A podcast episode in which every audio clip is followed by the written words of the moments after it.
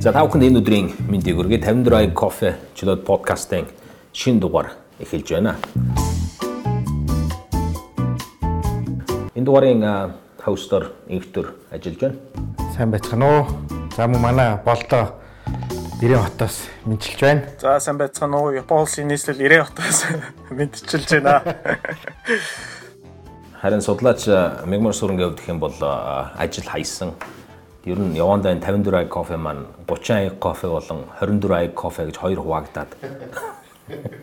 Тэгээд цаашаа явах юм шиг байна уу. Гэхдээ яах вэ зүгээр. Ер нь ингээ Монгол хүмүүс угаасаа ажил хийж чаддгүй ингээд харж байгааз.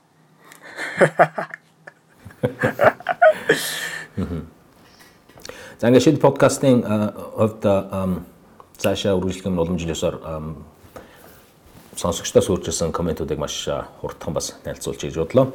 Медга шинэ подкастын дугаар танилцах таалагдлаа байнга сонсдог шүү. Бас амра юу яриад байна. Нэрэ 30 гэрүүлийн нэг юм биш үү гэсэн коммент бичсэн байна. Нэг зүйл ярихад бол яг маш зөв ажиглалт байна. Амрагийн хувьд бол яг 30 гэрүүлийн нэг байж таарсан. Мөн мөн. Тий. Тэгээд дашрам дуртахад бас байхгүй байгаагаар нэрээ. Дашрам. Гэхдээ үнэ үнэ 30 гэрүүлийн нэг байсан юм байлаа тий. Тий. Тэгээ үнэхээр амрагийн хувьд бол бас энэ дугаарт байхгүй байна. Тэгээд дашрам дуртахад бас амраа болон 30 гэрүүлийнхэн нийлээд Summer Show-га 4 сарын 25-нд шинэ тоглолт хийх гэж байгаа юм байлаа. Comedy Lab-ийн тасалбарыг Shopee цэгийн худалж байгаа гэсэн. Та бүхэн 30 гэрүүл ер нь юу ярих нь очиж бас сонирхуулах зүгээр баха гэж бодож байна. Тэд нар тэгээд шалтан тоглох юм уу? Ховцтой юм? Тэрийг очиод харсан дээр. Шалтан тоглолт чи явж үзмээр байна уу их тэр. Мест гол хол юм байна. Тэрнээс Ментор Саншаны хувьд бол комент хийсэн байгаа. Та бүхэн хандаж төр хувийн хөвшлийн түншлэлийн ач холбогдлын тухай хэлэлцүүлэг хийж ярилцах сэдв санал болгож байна. Монгол улсын хөгжлийн бодлогын хүрээнд судлаачид мэн гинэ. За энэ бол миний мэдэхгүй сэдв байна. Тэгэхээр та хоёр тусдаа 24 кофе гэдэг юм хийсэн дээр. төр биш төрөө ба хувийн хөвшлэг гэвэл бас яг зөв юм. За тэгэхээр төрөө болон хувийн хөвшлийн түншлэлийн талаар сэдв санал болгож байна гэж байна. Гэхдээ яг байж болох л байгаа л да. Гэхдээ жоохон яг ямар өнцгөөс яаж хийсэн би бол ойлгохгүй. Яг үнэхээр байхгүй байгаа юмныг өмнөийг бол байлгаж ярина гэдэг бол хэцүү байна юм. Жинхэнэ байгаа юм шиг. Бага мó. Жинхэнэ тий. Гэтэ 30 гэр бүл болоогүй. Тэгтээ хувийн хвшил. За тэгэхээр ямар ч байсан ментор саншааны хувьд бол комментиг хүлээн авлаа. Тэгэхээр төрөө болон хувийн хвшлийн түншлэлийн талаар бид нар дугаар бэлтэнэ гэж байна. Тэгэхээр төрөө бол энэ 54 кофеноос 24-ыг нь аваад тусдаа нэг подкастаар хийх юм шиг байна. Гэхдээ 5 5 кофе авчвал та нар яг 49-ийн болох гэдэг байна. 5 ба 40 та нар 49-ийн гэдэг хүмүүс бүр муулан заяа.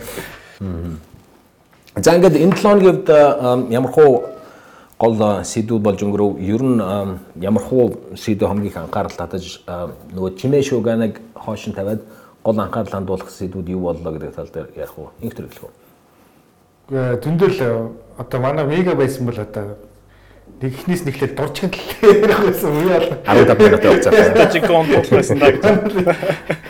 Баста мэдээ санаас эхлэв. Ярьдаг шүү дээ.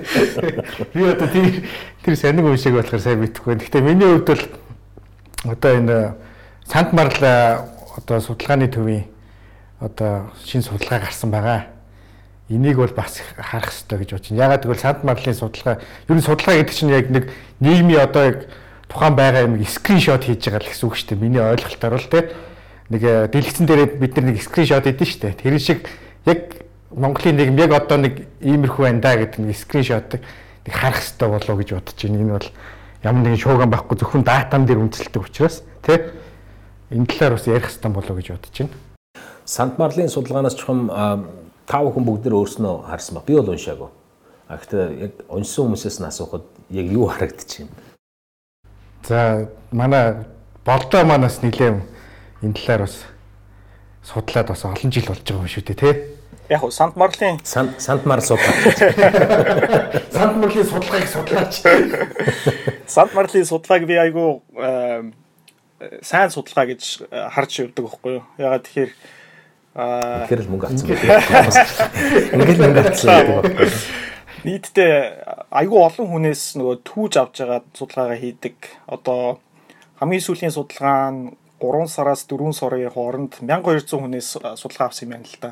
Тэгээд ганцхан Улаанбаатар хотоос биш бас орон нутгийн тодорхой аймагудаас түүж аваад ингээд судалгаа хийсэн байна. Тэгээд ганцхан 2019 онд нөгөө скриншотоор харахаар манай нийгэм өнөөдөр яг ямар байна гэдгийг харуулахаас гадна хэр яаж өөрчлөгдөж байна гэдэг нь аюул сонирхолтой санагддаг надад. Аа санд маралч одоо судалгаагаа хийгээд баг хэдэн жил болж байна 20 хэдэн жил болж байгаа бах тийм. Тэгэхээр 20 хэдэн жилийн датаг ерөнхийдөө завтай цагтай бол сайхан ухаад ер нь яаж Монголын нийгэм өөрчлөгдөд байна уу? Ямар зүйл дээр өөрчлөгдөхгүй хэвээрээ байна уу гэдгийг нь надад тэр нь аюул сонирхолтой санагддаг. Тэгээ энэ удаадаа бол би голчилж нөгөө улс төрийн системтэй холбоотой а үндсэн тийм асуултуудыг илүү анхаарлаа хандуулж яриул дээр байх гэж бодож бодсон. Төрөөгийн хувьд бол яг нөгөө намуудын рейтинг, эдийн засгийн одоо үнэлгээ, засгийн газрын үйл ажиллагаагаа нэг жижиг сайжиг юм байна гэж жижиг гэдэг юм. Би гол юм байна. Том үнцгэр хатдаг шүү. Ярэ нэг нэг жоо дивэргүй бат. Харин тийм тийм бие тоох үзэг газар аваад байгаа. За яг чи гэхдээ яг нөгөө бид нар салангуут 30 кофе чинийх шүү. 54. Тий. Тэ яг уу яг уу. Зааш. Яри яри.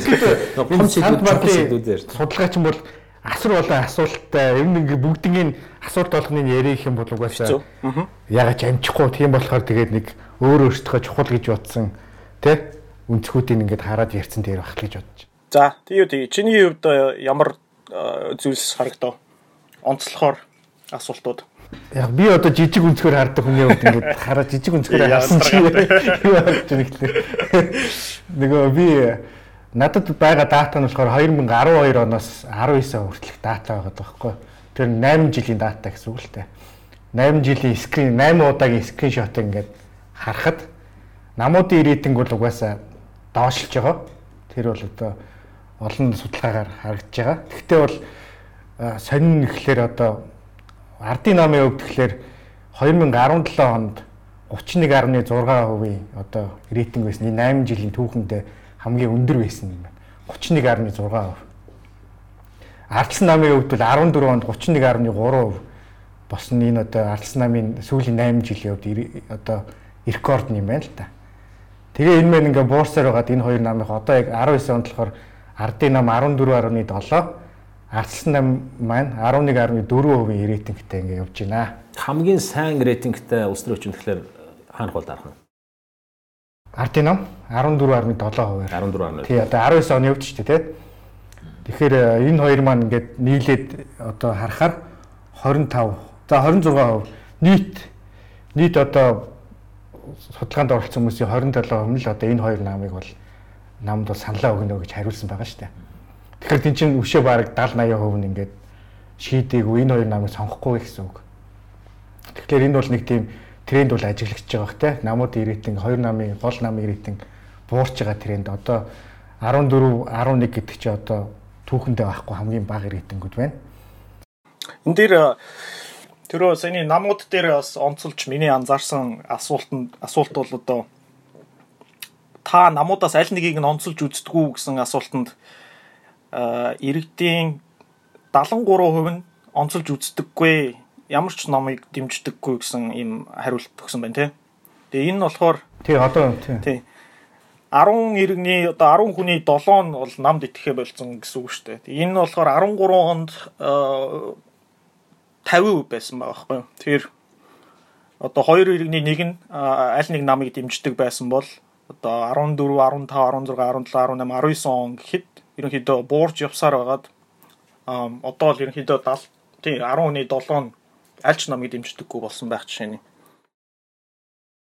Тий. Тэгэхээр одоо чинь мэдхгүй аль намыг дэмжихээ мэдхгүй байгаа иргэдийн тоо одоо 28%-аас 12 онд 28% байсан бол тэрэнд одоо өссөөр яваад одоо 18 онд 40.4% болж ирж байгаа одоо нэмэгдсэн байна л та.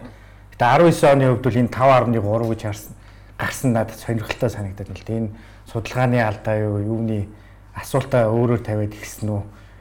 Тэгэхээр чиний ярьж байгаа тэр 7% гэдэг бол нэлээд юутай тоо болов гэж бодож байна.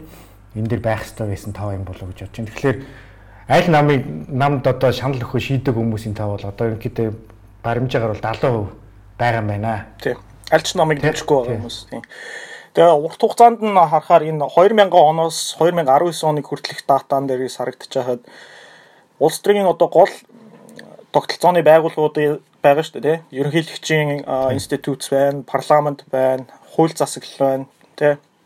За тэгээд улс төрийн намууд байна. Эднийг хооронд нь харьцуулаад иргэд маань аль байгууллагад нь хамгийн их итгэдэг юм бэ гэсэн ийм асуулт байгаа байхгүй. Эндээс харахаар 2000 онд улс төрийн намд итгэдэг иргэдийн тоо нь бол 25% байсан. За хууль засаглал те одоо шүүхэд бас итгэдэг хүмүүсийн тоо маш бага байсан. 26% нь итгэдэг байсан байх жишээний. Парламент бол 32% байсан.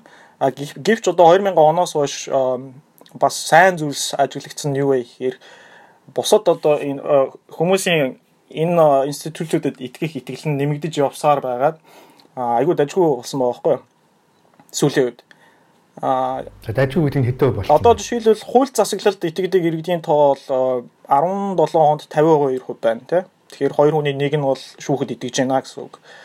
За энэ яг хуу сүүлийн 2 жилд бол буураад одоо 42% болсон байх жишээний. А парламент бол жишээлбэл 17 онд 51% итгэдэг байсан байна. А гэвч энэ бол эрс буурсан. Сая сүүлийн 2 жил 33% болтлоо буусан байна. А эндээс гэхдээ маш одоо чухал нэг ажиглалт нь юу байгаа гэхээр а иргэдийн улс төрийн намд итгэх итгэл бол ерөөсөө сайжирсангүй. Одоо 2000 онд 25% байсан бол одоо 19 онд 23% болтлоо буурсан байна. Үүнтэй яг эсрэгээрээ ерөнхийлөгчийн засаглалд ерөнхийлөгчөд итгэдэг итгэл бол одоо түүхэндээ байгаагүй 74% хүртэл өссөн байна. Тэгэхээр ерөнхийлөгчөд а ерөнхийлөгч гэдэг хүн төвчлөлтэй ерөнхийлөгчийн институтэд одоо иргэд маш их итгээд эхэлсэн байна. Улс төрийн намуудад бол үнэхээр итгэхгүй байна. Ийм ажиглалт ажиглах. Тэгэхээр энэ дэр нэг юм ярихад бол яг ерөнхийлөгчийн маань рейтинг бол 19 онд 21.5% байгаа шүү дээ. А өөрийнх нь хувь хүнийх нь Тий, хувийнх нь хувьд рейтинг нь 21.5, институцийн хувьд бол 70% байгаа шүү дээ, тий. Гэтэ 21.1 хэдэн хувь гэдэг чинь одоо хоёрт орж байгаа тийм үү? Топ 10 улс төр чинь. Тий, 22 дахь топ 1-р төрөлсөх 24.3% байна. 2-дугаарт ерөнхийлөгч 21.5% байгаа. Гэхдээ энэ бол өндөртэй орно л та. Энэ 10% 10 улс төрч дотор 2-дугаарт явж байгаа байхгүй. Тийм байна. Гэхдээ институцд одоо нэг 70 хүн 70% нь институцийг одоо дэмждэг гэж байгаа шүү дээ. Гэхдээ тэнд тэднээс одоо зөвхөн 20% нь тий зөвхөн энэ хүнийг энэ хүнд итгэж болно гэж үзэж ин гэж ойлгож болох уу? Аа за тэгж ойлгож болох байхаа. Эндээс бас надад нэг анзаарчихсан сонирхолтой зүйл нь юу гэхээр ерөнхийлөгчийн институтэд итгэх итгэл ингээд байнга тийм нэг тодорхой тренд харагдаж байгаа байхгүй юу? Энэ юу вэ гэхээр ерөнхийлөгчийн сонгуул болсны дараагийн жил нь ерөнхийлөгчөд итгэх итгэл маш өндөр огцом өсдөг. За тэгээд яванда сонгуул болохын уртлах жил гэхэд одоо навсаатлаа ундаг. Буцаад сонгуул болсны дараа буцаад өсдөг. Ийм тренд харагдаж байгаа. За энийг бол нөгөө улс төр судлалд honeymoon effect гэж нэрлэдэг. Honeymoon effect гэхээр одоо дөнгө бал сарын бал сарын тийм одоо шинэ хосууд одоо бие биендээ хурмаа эстийнхаа дараа учиргүй хайртай байдаг. Тэгээд нэг хэсэг хугацаа өнгөрсний дараа өө чи чи ийм байдаг байсан юм уу бие бинийгээ таниад жоохон disappointed болдог. Чи өөрөө хувийн төвхөөс ярих байлаа чи. Тэгээ ингэж ажиглагдчихэж байна. Тэгээд яг хоо а serious point нь юу юм бэ гэхээр ерөнхийлөгчийн сонгуулаар нийт ард иргэдийг хамарсан том сонгуул болдог учраас нэр дэвшиж байгаа хүмүүс хүмүүс одоо сонгуульд ялахын тулд маш их зүйлийг амлаж гарч ирдэг шүү дээ тийм биелшгээргүй их их амлалт өгчээж нийт ардын ард иргэдээс саналыг нь авч сонгогддог учраас сонгогдож гарч ирээд амлалтаа биелүүлэх гээд юм хийе гэхээр манай одоо үндсэн хуулийн хуулинд заасан одоогийн хагас ерөнхийлөгчийн парламентын засаглал бол ямар ч боломж олгодоггүй шүү дээ тийм. Ерөнхийлөгч бол хууль тогтоох эрх мэдэл байхгүй гих мэтлэн. Ийм болохоор Яванда иргэд бол тэгээд их хүлээлттэй байжгаад хүлээлт нь хүрэхгүй учраас а цөхөрдөг. Өөрөөр хэлбэл нөгөө сонгуулиар баахан би ингэн тэг нэр баахан амлж амлчаа тэрийг хийхгүйгээр 4 жил болохоор хүмүүсийн хувьд нөгөө нэг юу болоод урам нь хураа тий. Урам нь маш урдаг. За энэ өстө худлаа юм байна. Дараагийн сайн хүнийг хай гэдэг юм гардаг юм шүү. Тийм. Тийм тренд харагдчих байна. За мөн миний онцолж харж харсан өөр нэг статистик бол парламент болон сонгуулиас үл хамаарах хүчтэй удирдагчтай байх нь сайн юм аа. Одоо маш сайн юм аа гэсэн энэ статистик бол бас түүхэндээ байгаагүй өндөр дүнд хүрсэн байна. 2018 онд 76% нь нийт судалгаанд оролцсон хүмүүсийн 76% нь одоо хүчтэй удирдагчтай байя. Энэ парламентын нэдрээ сонгуультай хамаагүй. Тэгээ тэрэнд нэг одоо constraint болоод идэггүй ийм байя гэж одоо хэлсэн байна. Энэ бол маш өндөр тоолтой. 13 онд энэ 18 оныг яриад энэ үү чи 19 оныг яриад байна. 19 оны үед бол 73 байна. 18 онд 76 байна. Тэгэхээр хоёулаа л өндөр тоо гэсэн үг. 2013 онд бол энэ тоо маань 50 53% тэл байсан шүү дээ. Тэгэхээр сүүлийн одоо 2 жил нэг хүний засаглалтай байх, нэг хүчтэй удирдахчтай байх нь зөв юм аа гэсэн одоо иргэдийн дүгнэлтэн төрчихсөн юм байна гэдэг нь бол санд марлын судалгаан дээрээс харагдаад байна л да. Тэгэхээр чи нөгөө талдаа болохоор нөгөө парламент парламентын нэр хүнд шалан дээр болж байна гэсэн үг? Тийм, парламентын нэр хүнд шалан дээр хунж байна. Бас улс төрийн намуудын нэр хүнд шалан дээр хунж байна. За бас өөр аюултай гэж хэлж болмоор бас сэтгэл жоохон санаа зовоосон нэг статистик нь бол өнөөгийн ардчилсан тогтолцоо таны сэтгэлд хэр нийцдэг вэ гэсэн асуултанд ердөө 48.5% нь нийцдэгэ гэж хэлсэн байна. За энэ нь 2013 онд 63% байсан шүү дээ. Тэгээ 63%-аас нийт дийлэнх олонх нь арчилсан тогтолцоог бол одоо ерөнхийдөө дэмжиж байсан. Одоо болохоор цөөнхөн дэмж дэмждэг болсон байна тийм үү? За ингээд болцоогаа чи өнөөдрөөс эхлээд албан ёсоор үндэсний цөөнх болж баяр хүргэе. За тэгээд хамгийн сүүлийн нэг статистик хэлээд ерөнхийдөө миний ажиглалтууд бол дуусч байгаа. Тэр нь болохоор Монголд ямар засаглал илүү тохирох вэ гэсэн асуултанд аа 2019 онд санал асуулганд оролцсон хүмүүсийн дийлэнх олонх нь буюу 53% нь ерөнхийлөгчийн засаглал бол илүү Монголд тохирно гэж хариулсан байна. За энэ нь бол буцаад 13 онтой харьцуулахаар 13, 14, 15 онтой харьцуулахад бол бас өндөр тоо байна. Парламентын засаглал бол Монголд тохирно. Эсвэл одоогийн холимог засаглал илүү тохирно гэсэн хүмүүсийн тоо жил ирэх тусам багассан байна. Аа ийм одоо ажиглалтуудыг бол би олж харлаа.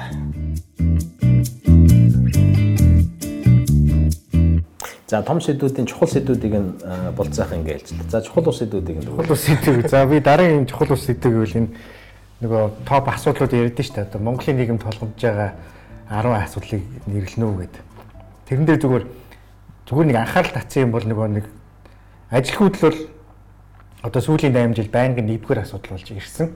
Гэхдээ ажил хөдлөлийг одоо асуудал гэж нэрлэж байгаа хүмүүсийн тоо буурсаар ирж байгаа юм байна л да. Одоо хүлээгээд яах вэ? Тэд нар болсон уу? Эсвэл одоо бүгд тэр ажилтаа болцсон уу? Солонгос гарцсан уу? Тэрийг би сайн мэдэхгүй. Гэхдээ ямар ч байсан энэ жил бол судалгаанд орсон 28.3% нь л ажил хөдлөлийг асуудал гэж нэрсэн байна. Тэгтэл 28.3 гэдэг чинь бол асуудлын нэгдүгээрт явж байна л да. Энэ гэхдээ засгийн газар маань мөнхөр мундаг ажиллаад хүмүүс ажилгүй болчихвоо. Эсвэл хүмүүс зөвхрөөд ажил хөдлөлийг ер нь эсвэл байх ёстой үзэглэгээ бодчихвоо. Надад зүгээр ингэж харагдлаа л да. Та хоёрыг сая ярилцж байгаа хооронд би мэдээж зүгээр суугаад байх нь утгагүй учраас энэ KS цэг D гэдэг Конрад Аденауэрын сангийн вебсайтн дээр нэ судалгаа нээлттэй байж байгаа юм байна. Тэгээд энэ ч нь ерөнхийдөө өөрсдийнхөө хүрээнд гол гол асуудал нь юу юм бэ? Яг энэ судалгааг би одоо шил хараад юу харагдаж байна гэдэг ийм зүйлийг харж үзлээ л дээ. За за эдийн засгийн талаас нь аваад үзье. Тэг авах юм бол яг энэ судалгааны үр дүнд одоо төрөний төрөгийн хэлдгэр одоогийн өнөөгийн нийгэм эдийн засгийн байдал хүмүүсийн байдлыг ингээд скриншот, снапшот аваад үзэхэд юу харагдаж байна гэхээр бас нэг сонин сонин юмнууд бол харагдах юм байна л да. За нэгдүгüрх нь юу юм бэ гэхээр эдийн засаг ерөнхийдөө ямар хуу байна? гэж үзэж байна гэдэг. Тэгэхээр яах вэ гэдгээс ахуулаад маш муу гэдэг хүртэл нийт хүмүүсийн 94.5% гэж гарч ирж байгаа юм. Яах вэ гэдгээс ахуулаад маш муу гэдэг хүртэл.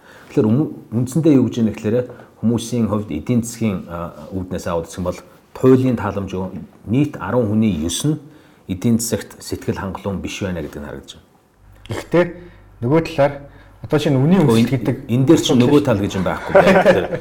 Эдийн засаг гэдэг чинь ерөөсөө итгэлээр суурилж явдаг байхгүй юу? Монгол Монгол улсын харилцааны хэсэр бол нэг пессимист школ баг шиг юм.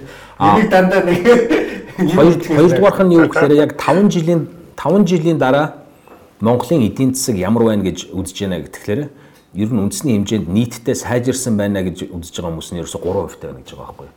Тэгэхээр би голон зүгээр эндээс юу харах гэдэг нь гэхлээр эдийн засаг гэдэг маань өөрөө итгэл дээр явдаг А яг тэгэхээр өнөөдөр инхтүр гэдэг хүн байлаа гэж бодоход байдал маргаас сайжрын шүү гэдэг үндсэн дээр л худалдаа авалт хийж эдийн засгтаа нэмэр болж явна гэхээс биш а итгэлгүй бол тэр чинь мөнгө хав дарчаал суугаад байна гэсэн үг шүү дээ.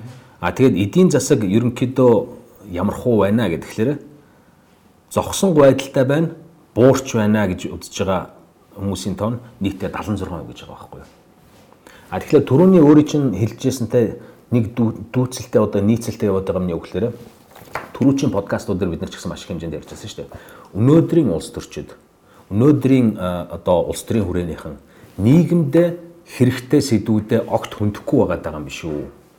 Чухал сэдвүүдэд авч барихгүй байгаа юм биш үү гэдэг ийм л яриа явсан шүү дээ. Тэгэхээр энэ судалгааны үндсэн үр дүн үний эрэхтэй яг тэрийг л баталгаажуулж байгаа гэсэн үг байхгүй юу? За тэгээд одоо жишээлбэл түрүүний төрөөгийн хэлдэг тийм Монголын хамгийн чухал асуудлууд нь юу юм бэ гэдээ аваад үзэнгүүт нь за шударга ёс хэд дээр энэ жишээлбэл 6 олоо. Шударгаас доогуур л байгаа байхгүй. Нийт одоо 100 хүн байлаа гэж бодоход чинь тэрний 6 хүн нь шударга ёс гэж байна. За тэгвэл энэ чэнэс өнөөдөр Монголын нийгэм улс төр эдийн засгийн тулгымдсан асуудлууд нь юу юм бэ гэд топ 10 сэдвүүдийг нь жагсаагаад үзэхлээр 60% нь эдийн засгийн асуудлууд байгаа байхгүй. Ажилгүйдэл байна, амжиргаа байна, эдийн засаг үйлдвэрлэл байна, үнийн өсөлт байна. Нөгөө нэг яриад байгаа шударгаас хаана байгаа, нөгөө нэг яриад байгаа одоо авилга хаана байгаа, нөгөө нэг яриад байгаа нөгөө нийгмийн шударгаас эднэр чинь бүгдээрээ 6-аас 4% тань гэж байна. Нийгмийн 60% нь эдийн засаг шүү гэдэг хүмүүс өөр зүйл, улс төрчид өөр зүйл яриад байгаа гэсэн үг байна. Тэгэхээр энийг л тийм тэрийг зөндөө чинь батлсан батлсан нөгөө нэг батлсан зүйл нь нөгөө нэг топ 10 асуултын дараа энэ асуудлыг одоо аль намын сайн шийдэж чадахгүй гэдэг асуулт бас байгаа шүү дээ. Тэрэн дээр их ч одоо 2 нам нийлээд 20% л байгаа байхгүй. Одоо Монгол Ардын нам Арлан нам хоёрыг энэ ажилгүйд ядуулыг шийднэ гэдэг итгэл итгэл бол нийлээд 20% байгаа байхгүй. Тэг чин бол юу юу харуулж ийм гэхээр асуудал байна. Тэгвэл энэ хоёр нам шийдэж чадахгүй байна гэдэг. Шийдэж чадахгүй байна гэдэг. Шийдэн чадна гэсэн итгэл нь байхгүй. Зүгээр сая миний хэлэх гээд байгаа бас нэг ажигсан нэг сонирхолтой зүйл болохоор энэ үнийн өсөлт гэдэг юм бол топ дандаа нэг 2 3 дугаарт байсан асуудал байхгүй энэ тогтмол буурсан байна. Тэгээ одоо бол э, хамгийн багадаа 2018 онд 5.5% болтлоо буурсан байна. Уул нь бол 2014 онд гэхэд 20% нь үнийн өсөлтөл асуудал гэж үздэг байсан бол одоо 18 онд 5.5 болтлоо буурсан байгаа хгүй. Энэ бол нэлээ одоо огцон бууралт шүү дээ. Тэгэхээр хүмүүс л үнийн өсөлтөд нэг одоо санаа зовхоо болж эхэлж байгаа юм болоо гэсэн тийм юу дүр зураг бол харагдаад байна л да. Тэгэхээр нөгөө дөрөвний ажилгүйдэлтэй адилхан үнэхээр за ажил олно гэдэг э, хэцүү болсон яш нацид чинь яриад хэрэггүй гэдэг үднээсээ эсвэл үнийн өсөлттэй хүмүүс ингээд дасан зогцсон юм. Одоо би тэрийг яг яг тим юм гэж хэлэхэд хэцүү. Гэхдээ үнийн өсөлт бол угаасаа хүмүүс байнга өсдөг гэдэгтээ эвлэрсэн юм шиг байна. Миний бодлоо шүү дээ, тийм. Яг байнга өсдөг гэдэгтээ эвлэрсэн юм шиг байна. Үүн эсвэл энэ асуудлыг бол засгийн газар угаасаа шийдэх чадваргүй, тийм.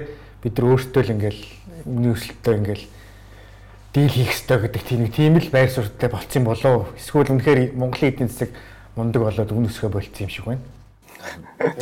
Хоёр хоёр сэдвээр би зүгээр эдийн засгийн талаас нь хараад үзэхлээр хоёр сэдвээр их чухал зүйлийг хэлж байгаа гэж бодож байна. Нэгдүгээр нь юу гэхээр за 5 жилийн дараа эдийн засгийн байдал сайжирсан байна гэдэг дээр ерөөсөө хүн амын нийт 3% нь л сайжирсан байна гэдэг дүр зураг харагдаж байна гэж. Энэ бол 3% гэдэг бол чөлөө 30 гэрүүлэл хэлсэн юм байна л да. 3% гэдэг чинь аюу гой таарч байна.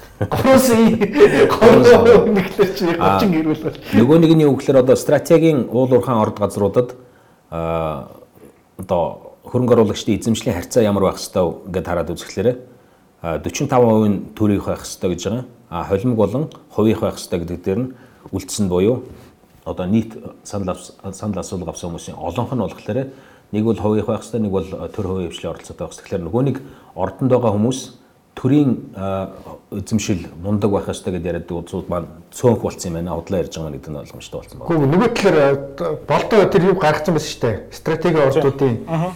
Тийм тэр тэр зүр зургийг харахаар бол эсрэгээр харагдаад байгаа шүү дээ. Тийм стратеги орд чинь ингэж одоо Монголын болон гадаадын хөрөнгө оруулагчдын эзэмшлийн харьцаа нь ямар байх вэ гэж байгаа шүү дээ.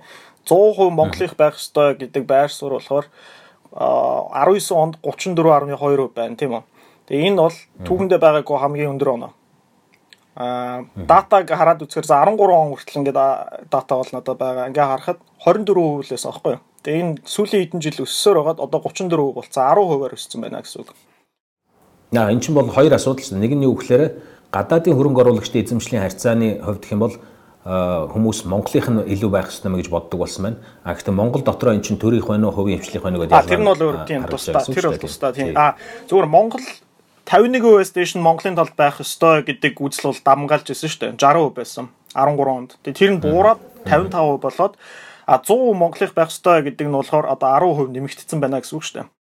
Оюун толгой дээр Монголын иргэдийн ашиг сонирхол хэр их тусгагдсан бай гэдэг дээр бас сандаа гарч байгаа шүү. Тэрний үхээр огт үгүй буюу баг зэрэг гэдэг тал дээр аваад үзэх юм бол 50 давцсан хувьтай явж байна тийм үү. Тэгэхээр оюутлогоо дээр Монгол иргэдийн ашиг сонирхол тусгагдаагүй юм байна гэдэг нь хүмүүсийн ойлголт, тогтсон ойлголт байх нь шүү дээ. Энд ихтэй тий наадах чинь бас Эрдэнэт дээр яг ижлэн гэж ижлэфтер байна. Таван толгой дээр бас ижлэфтер байна. Тэгэхээр ганцхан оюутлогоо биш ер нь иргэд бол том ордуудад жирийн иргэдийн одоо хүсэл сонирхол нэг рефлектэд болдоггүй тий гэж л дүгнээд байгаа юм байна л да. Аа Ойдлогоогоо хамгаалахгүй мó? Инхтер инхтер хамгаал. Инхтер хамгаалахгүй. Би наан дээр хөдөл хөдөлмөрийн концлагер руу явчих гэдэг шүү. Тэгтээ тийм арх их уудаггүй. Дэлгүр онгоохоо тэгээ зогсож байна. Дэлгүр хөдөлмөр өглөө зогсдог нь буруудаад байна л та. Тэгэхээр би бас инхтрөөс асууя л да энэ Төрөүний хэлээд байгаа миний онцлоод байгаа энэ улс төрийн намд иргэд ерөөсөө итгэхгүй байна. Тэгээ улс төрийн нам бол парламентын засаглалд аюулгүй чухал зүйл шүү дээ. Намжин бодлого боловсруулдаг институт, хүмүүсийг хүсэл сонирхлоор нэгтгэдэг институт. Тэгээ намгүйгээр парламентын засаглалд байх ямар ч боломжгүй. Яагаад иргэд улс төрийн намд итгэхгүй байгаа гэж чи таамаглаж байна? Гэхдээ би яг ингээд дата харахаар яг тэр нэг итгэхгүй одоо нэг итгэл нь хугарсан сүүлийн хэдэн жилд айгүй их нэг эрчимтэй явагдсан байгаа байхгүй? Би тэгээд зөв миний хувийн бодол юу гэсэн гэхээр энэ нөгөө мэдээлэл айгүй тийм хүртээмжтэй болсон. Одоо чинь дээр үед бол нөгөө зөвхөн цагийн үр дээр улс төрчд ороод яриа тэрийг ингээд орой 8 цагт бүгдээр сууж хагаад үздэг байсан бол одоо улс төрч болгон хаагур фэйсбүүкээр, твиттерээр юугаар ингээд харагдж जैन тэдний ярьж байгаа юм нийл байна, хийсэн юм нийл байна. Тэгэхээр нөгөө хүмүүс чинь хараад өө эдгэр чинь яг нөгөө нэг биднээс 7 дор гараад байт юм биш үү гэдэг тийм дүр зураг хараад эхэлсэн болов гэж бодоод штэ. Миний хувьд бол тий нөгөө дээр үд нөгөө нэг Жан Жак Руссо ингээд нэг ном бичгтээ өөрөө тухайн стилийн хэвдээд амар илэн далангуу ингээд задгааг бичлэлтэй бичсэн чинь тэр хүмүүс Жан Жак Руссог итгэхэ хүндтгэхэ болцсон гэж ярьдаг байхгүй ягаад тэгэхээр өө эн чинь бид нар шиг л Руссо ч юм бид нар шиг бодлого байсан гар юм шиг тэр шиг манайхан ч нөгөө нэг одоо цаарл ордонд байгаа гэхээр амар мундаг хүмүүс гэж боддог байсан. Мундаг одоо мэдлэгтэй боловсролтой одоо ёс зүйтэй хүмүүс гэж урд нь боддог байсан чинь мэдээлэл болоод ингээ бүгдийнх нь хөшийг ингээд нээсэн чинь дүр зураг гэсэн чинь манусаас 7 мөр гараад цууцсан ингээд хараад тэрийг харангуутлаа нэг тийм нэг өөрийгөө бас урам хугарсан манусаас байна. Йоо. Бичээс юусаа хийхгүй болохгүй шүү. Боломжтой гараад өөрийгөө яах гэдэг бол нэг төрлийн хамгийн том зарчим юм байна шүү. Гэхдээ би гайхаад байх юм. Улс төр судлаачтай үдгээд хоёр ингэж суучаад айгүй энгийн асуудлыг айгүй хүндрүүлээд ингэж хараа суугаа. Тэр батхан бүр жанжаар кусогоос русогоос хүртэл иш татаж иднэр ямар шаардлага байна. Энд дээр нэг л зүйл харагдаж байгаа байхгүй. Тэр нь юу гэхээр за одоо хараад үз. Төрөн төрөө хэлсэн тийм үү? Нийгэм улс төр эдийн засгийн хамгийн тулгымдсан асуудал юу вэ гэхээр ажилгүйдэл, амжиргаа, эдийн засаг үйлдвэрлэл, үнийн өсөлт гэдэг. А тэгсэн чинь улс төрчдийн үед ярьж байгаа сэдвүүн гэхээр шударгаас авилга гэдэг. Тэгэхээр өөрөөр хэлбэл иргэдийн ярих ёстой гэж үзээд байгаа сэдвүүдийг тулгымцсан асуудлын 60 70% тэгж үзээд байхад тэр сэдвүүдийг нь ярихгүй тэр сэдвүүдийг нь огт хөндөхгүй байгаа учраас л эдгээр чинь дэмжлэг авч чадахгүй байгаа байхгүй юу. А тэрийг нь яаж илэрхийлж яах гэхээр за төр засаг энэ бол ямар нэгэн байдлаар одоо аль нэгэн институт юм уу эсвэл хувь улс төрчтэй хамаагүйгээр ерөн зүгээр төр засаг иргэдийн төлөө зөв зүйтэй зүйл хийж гэнэ гэж итгэж гэнэ үү гэдэг асуудал асуухад баг зэргээс бол баг зэргээс эхлээд баг нийцгүй огт нийцгүй үснэ нь нийтдээ 91.8% гэж байгаа байхгүй. Өөрөөр хэлбэл нийт 10 хүний чинь 9 нь энэ төр засаг ерөөсөө огт нийцтэй ажил хийхгүй байна гэдэг л дүгнэлттэй байна гэсэн үг шүү дээ. Өөрөөр хэлбэл нийцтэй сэдвүүдэд зөв сэдвүүдэд авч ярихгүй байх гэсэн үг байхгүй. Зөв сэдвүүд нь юу гэхээр эдийн засаг амжиргаа. Тэрийг ярихгүй бол Жан Жак Руссоын тамаа байхгүй. Нөгөө нэг төрөөгөөс 7 дор улсуудыг яриад ширэхгүй хэрэггүй байхгүй. Тэгээ энэ улс төрийн намууд намууд тэгээд яагаад тийм энэ ярих ёстой сэдвээ ярихгүй байгаа юм бол та ярив гэж бодож. Үгүй шийдэл байхгүй учраас л ярихгүй. Шийдэл байхгүй шийдэл байгаа. Гэхдээ хамгийн гол нөгөө нэг энэ чинь нөгөө 4 жилийн дотор сонгуул болж байгаа шийдэл байгаа. Гэхдээ шийдлийг мэдэхгүй учраас 4 жилийн дотор сонгуул болж байгаа. 4 жилийн дотор ажлын байр бүтээн гэдэг чинь айгүй хүндрэлтэй асуудал. Тэрний оронд 4 жилийн дотор шудраг байсан юм уу авилгалтай тэмцэнэ гэдэг хүн шоронд хийх нь бол хамаагүй хурдтай үр дүнтэй амар их ажил хийж байгаа юм шиг харагддаг байхгүй. А тэгэхгүй ингээд 4 жил гүрээж гүрээж гүрээж жагаад мянган ажлын байрыг бүтээлээгээ 4 жилийн дараа яхаар хүмүүс ч нэг өө тийм тэгээд ийм хийм юм. Тэ тэгэхээр ингээд нэг өдрө болгон хүмүүс нэг үр дүн харагдаг юм хийх гээд бүгдээр ингээд уралдаад байгаа юм болол гэж би хараад байна л да. Тэгээ хоёр нам маань бол угаасаа миний харж байгаагаар бол үзэл санаагүй, үзэл санаагаараа нэгдсэн баг биш. Зүгээр баахан хувийн улс төрийн амбицтай тэгээ мөнгөтэй хүмүүсийн цуглуулга болцсон. Тэгээ тэгээ бодлого боловсруулдаггүй, үнэт зүйлсээрээ нэгдээгүй ийм хүмүүс л байгаа. Ийм хүмүүс эрх мэдэл төрхээрээ дандаа фракцчдаг. Тэгээ хоорондоо бие бинийгээ унгаадаг, эрх мэдлийн төлөө тэмцдэг. Тэгээ тэр тэмцэлтэй юу юу гэж ярьдаг вэ гэхээр чудрагаас ярьдаг. Нөгөө тэгээ иргэд бол энийг мэдж байгаа шүү дээ. Үсэж байгаа юмыг хийхгүй, ярихгүй, бодлого нэхэд байхад бодлого боловсруулахгүй.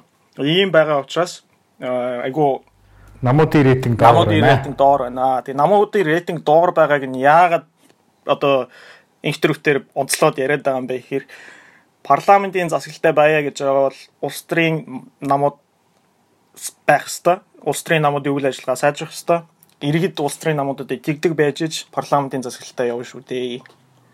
Энэ дээр л тэгж онцолж хэлээд байгаа шүү. Тэгээ зүгээр би тэр 70% нөгөө нэг ерөнхийлөгчийн засаглал хэрэгтэй гэж байгаа 70% одоо хандаж хэлэхтэй нэг мессеж байна.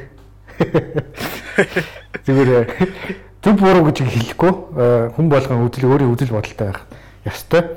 Гэхдээ зүгээр статистик харахад бол хүн болгон ингээд нэг лик ван юу гарч ирнэ гэж хүлээлт байдаг байхгүй. Амар шудраг лик ван юу гарч ирээд найзуудыгаа шоронд хийгээд те ингээд эхлэнэ гэж хүлээлт байдаг. Тийм учраас 70% хүмүүс маань ингэж бодд юм шиг. Гэхдээ яг ингээд статистик харахад дэлхийд даяар бараг 100 хэдэн дарангуулагчд нэг лик ван юу л ногдож байгаа шүү. Тийм тийм. Тэрийг бас харах хэрэгтэй шүү тий. Монгол икван юу гарч ирэх магадлал маань одоо 100-аас одоо хэдэн мянгаас нэг юм байна. Тэр шанс. Тэгэхдээ хоёрын ярьдаг зүйл чинь бас нэг тал дээр зөрүүтэй байгаа шүү. Миний бодлоор. А яагаад тэгэхээр одоо юу гэж ядгийн за ардчлал гэдэг бол олонхын засаглал бөгөөд цөөнхөн үндэтгэнэ гэж байгаа юм бол хэрвээ одоо нийт Монгол улсаараа ингээд ийм засаглалыг бид нэр илүү эрхэмлж яана гэх юм бол бас яг тэр дагуул явах ёстой шүү дээ. Тийм тийм. Би тэрийг өрөөсө буруу гэв шүү дээ. Гоо чи сайн буруу гэсэн юм байгаа шүү гэж хэлсэн. Тэр бас бид гурав шиг сайн хүмүүс байх магадлал те ерөнхийлөгч. Тэр бол маш бага байх шүү гэж хэлсэн. Тэгээд төрөө өөрийгөө PR-т хизээч ярихгүй. Төрөө битэр бол тэгээд ерөнхийлөгчийн засаглал муу эсвэл сайн гэж хэлээд байгаа юм биш шүү дээ. Гэж байгаа юм биш. Биш биш. Зүгээр яа. Гэхдээ намайг сонгох гэж хэлгээд юм. Гэхдээ гэдэг дээр чинь бас байна. Тэгээ яг уу. Тэгээ зүгээр ингэж яриад байгаа хүмүүс юу ерөнхийлөгчийн засаглал хүсэж байгаа хүмүүс маань яг ерөнхийлөгчийн засаглал гэдэг нь яг юу вэ гэдгээ бас хэр сайн мэдж байгаа болоо гэдэг дээр бид нар ярилцах хэрэгтэй байх л та. А ерөнхийлөгчийн засаглал альч засаглалд сайн талууд байгаа муу талууд байгаа тий. Advantage байгаа, disadvantage байгаа. Тэр бүгдээрнгийн бид нар одоо юу гэдэг юм устар судалдаг хүмүүс нь ярих л ёстой л сэдв байхгүй юу? Тийм. энэ энд зүгээр яг энэ асуултуудаас би сая гүйлгээд харж хахад хамгийн одоо анхаарал татсан гэдэг юм уу хэрвээ төр засгаас таны санаа зовж байгаа асуудлуудыг биелүүлэхгүй бол та яах вэ гэдэг асуулт байна л та. А тэнгуут нь баг нийт баг 40% нь юу ч хийхгүй байдал сайжрахыг хүлээн гэсэн. Энэ үнэхээр том шүү. Та хэдийн яриад байгаа одоо нөгөө засаглалын хэлбэр байна уу эсвэл янз бүрийн шалтгаалаад харахаар харахаар тэрнээс миний хувьд зүгээр илүү их ач холбогдолтой асуултын хариулт санагдлаа. Юу ч хийхгүй байдал сайжрахыг хүлээнэ гэдэг бол зүгээр л хараа сууж яана л гэдэг нь бол нийт одоо Монголын энэ ямар ч үсэн судалгаанд оролцсон хүмүүсийн 40% нэ шүү дээ. Тэр бол одоо тэгээд хамгийн гол нөгөө нэг 40% тэр 40% ягаад юу ч хийхгүй байх гэхээр тэднийг их ашиг нэг нэгтгэдэг нэгтгэх ёстой тэднийг нэг их ашиг нэгтлээ нийлүүлээд тэмцэх ёстой тэр субъектүүд нь ажил хийхгүй байгааг шинж дээ. Хэрвээ одоо намуудыг өөртөө ингээд нөгөө үүргээр үүргээр хүлээс үүргээрээ ингээд ажиллаа хийвэл одоо тэр 40 эдийн хүмүүс чинь оо диванаас босолтоо одоо тгийл та ингээл та ажил хөдлөлийг бууруулъя л да энэ төр гээд ингээд босгоод ямар нэгэн тэмцэл хийх хэрэгтэй шүү дээ уул нь бол. Тэгээ тэрийг хийхгүй байгаа л учраас одоо тэр 40 40 эдийн нэг одоо муулмааргүй. Тий, нэг хүн ганцаараа юу асуудлыг өөрчлөх боломжгүй шүү дээ. Тэрийг угаасаа иргэд мэдчихэж байгаа. Тэгээ ганцаараа гараад тэмцээд юугаа чих юм блэ гэж боддог байх. Тэгээд ямар ч бас нийгмийн 40% нь ийм ганцын сэтгүүтэй байна гэсэн үг байна гэсэн үг. Аа над өөртөө чинь ижилхэн бодолтой өчнөө олон хүмүүс байгаа гэдгийг бас мэдэхгүй байгаа л ах л та. Тийм бүгдээрээ нэг нэг атом болчихсон.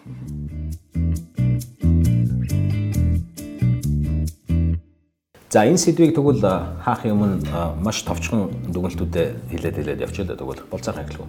За миний зүгээс харж байхад энэ судалгаануудыг олон жилийн датаг нь харьцуулаад харахаар улс төрийн намуудад итгэх итгэл байхгүй байна. Шалан дээр унтчихсан байна. А эсвэргээрээ нэг удирдахч, нэг хүчтэй удирдахчийг одоо хүлээж байгаа, хүсэж байгаа, мөрөөдөж байгаа иргэдийн тоо их болсон байна. А энэ бол айгүйх айгүй чухал статистик юм юм гэж л би үзээд байна. Нэг төрөд. За миний хувьд бол яг хид хидэн сонирхолтой юм цаашаа судлах хэрэгтэй хид хид юм гарч ирээд юм л та. За яг улс төрийн намуудын юу ингээд унж байгаа нь бол тодорхой байна.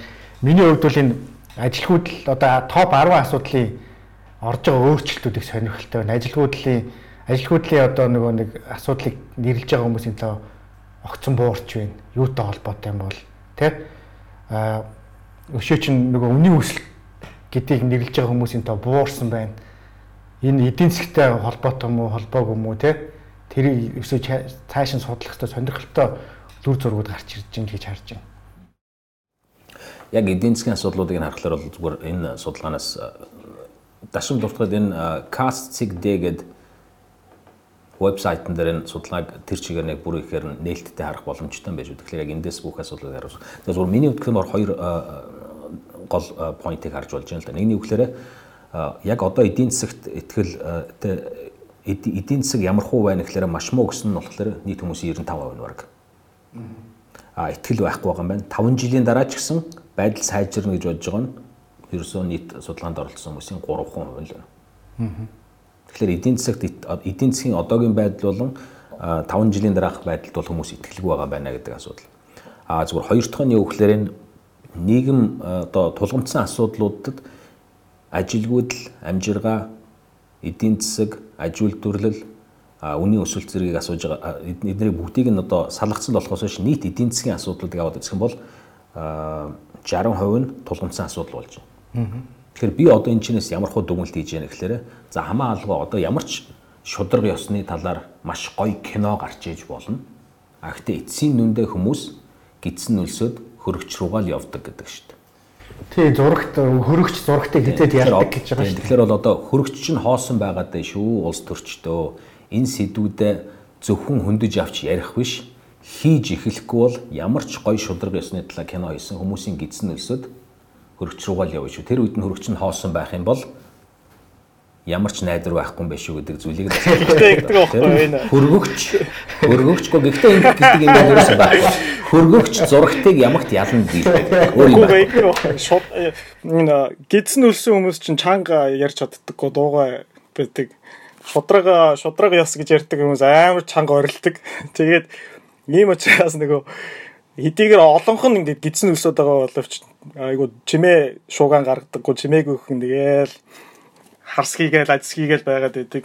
Наана нэг цөөнх нэг шудрагаас гэж ярьсан нэг цөөхөн идэх хүмүүс л ингээл хамаг байдгаараа ойрлоо шудрагас гээл ингээд нийгмийг ингээд чи буруу зөвгөрөө чиглүүлээд байгаа юм. Тэгээ болцаахан нэг зүйлийг бити мартаарай. Хүн үлссэн явж байхад хажуу чанга ашгараад идэх айгүй ядаргаатай байсан шүү дээ. Тэгвэл хамгийн гол нь шудрагас гэж байгаа хүмүүс маань хамгийн цатгалаа хүмүүс байгаа шүү дээ. Тэрийг бас анзаарах хэрэгтэй байхгүй. Тэд нар яагаад тэдний тэдний өөрсдөө ямар ч одоо эдийн засгийн асуудалгүй учраас шудрагаас хандаад байгаа байхгүй. Боломжийн хувьд одоо тийм биз дээ. Ингэтэр боломжтой олдонгод болдог шинэ бит юм уу? Болохгүй байхгүй.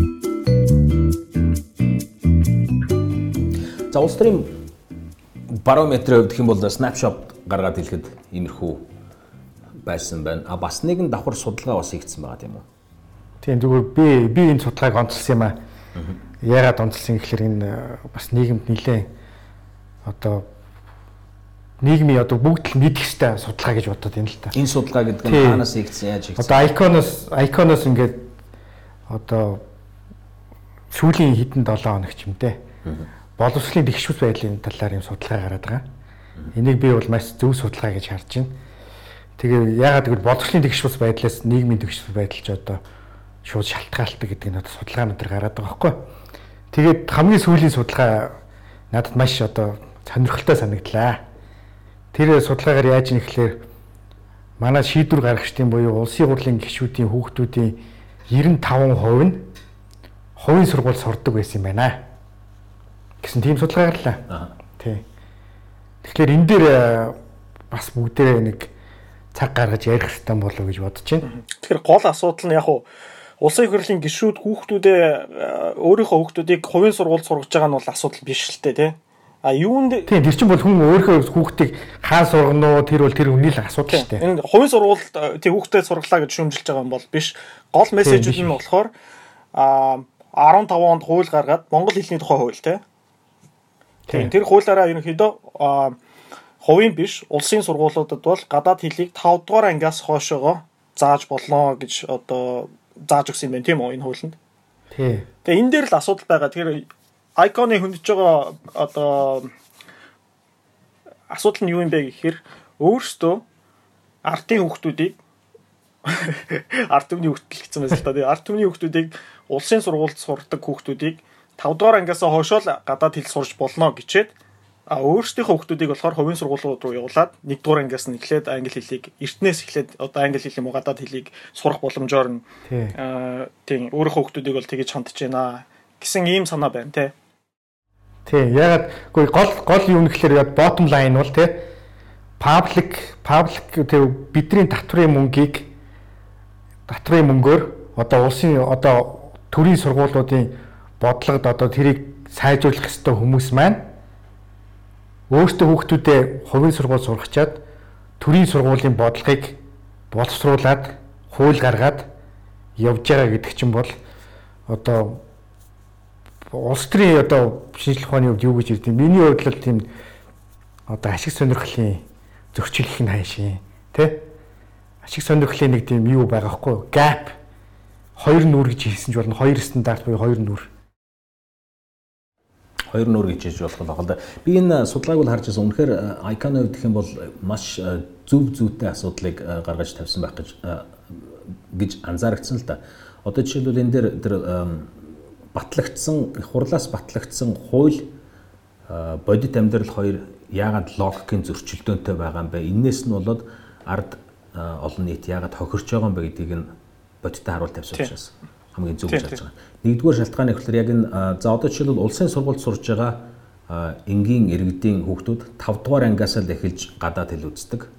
А энэ дүрм нь болохоор хувийн сургуулийнханд үйлчилдэг. Өөрөөр хэлбэл юу гэж нэхлээр нийт хурлын гишүүдийн хүүхдүүдийн 95% нь гадаад хэлийг багаасаа үзэх боломжтой байх энгийн иргэдийнх бол боломж эрхийг нь хаацсан байна гэсэн үг. Эрхийг нь хуулиараа хаацсан байна гэсэн үг байхгүй. Тэгэхээр ийм логикийн алдааг бол icon-ийнхан гаргаж ирсэн. Энийг бол би хамгийн зөв зүйтэй сэдв юм болов уу гэж бодож л байна л да. Зөвхөн гадаад хэлээр тогтохгүй л энэ чи одоо шинэ төрийн төрийн сургуулиуд одоо нэг анги одоо 40 50 хүүхэд байх шийтэй тий.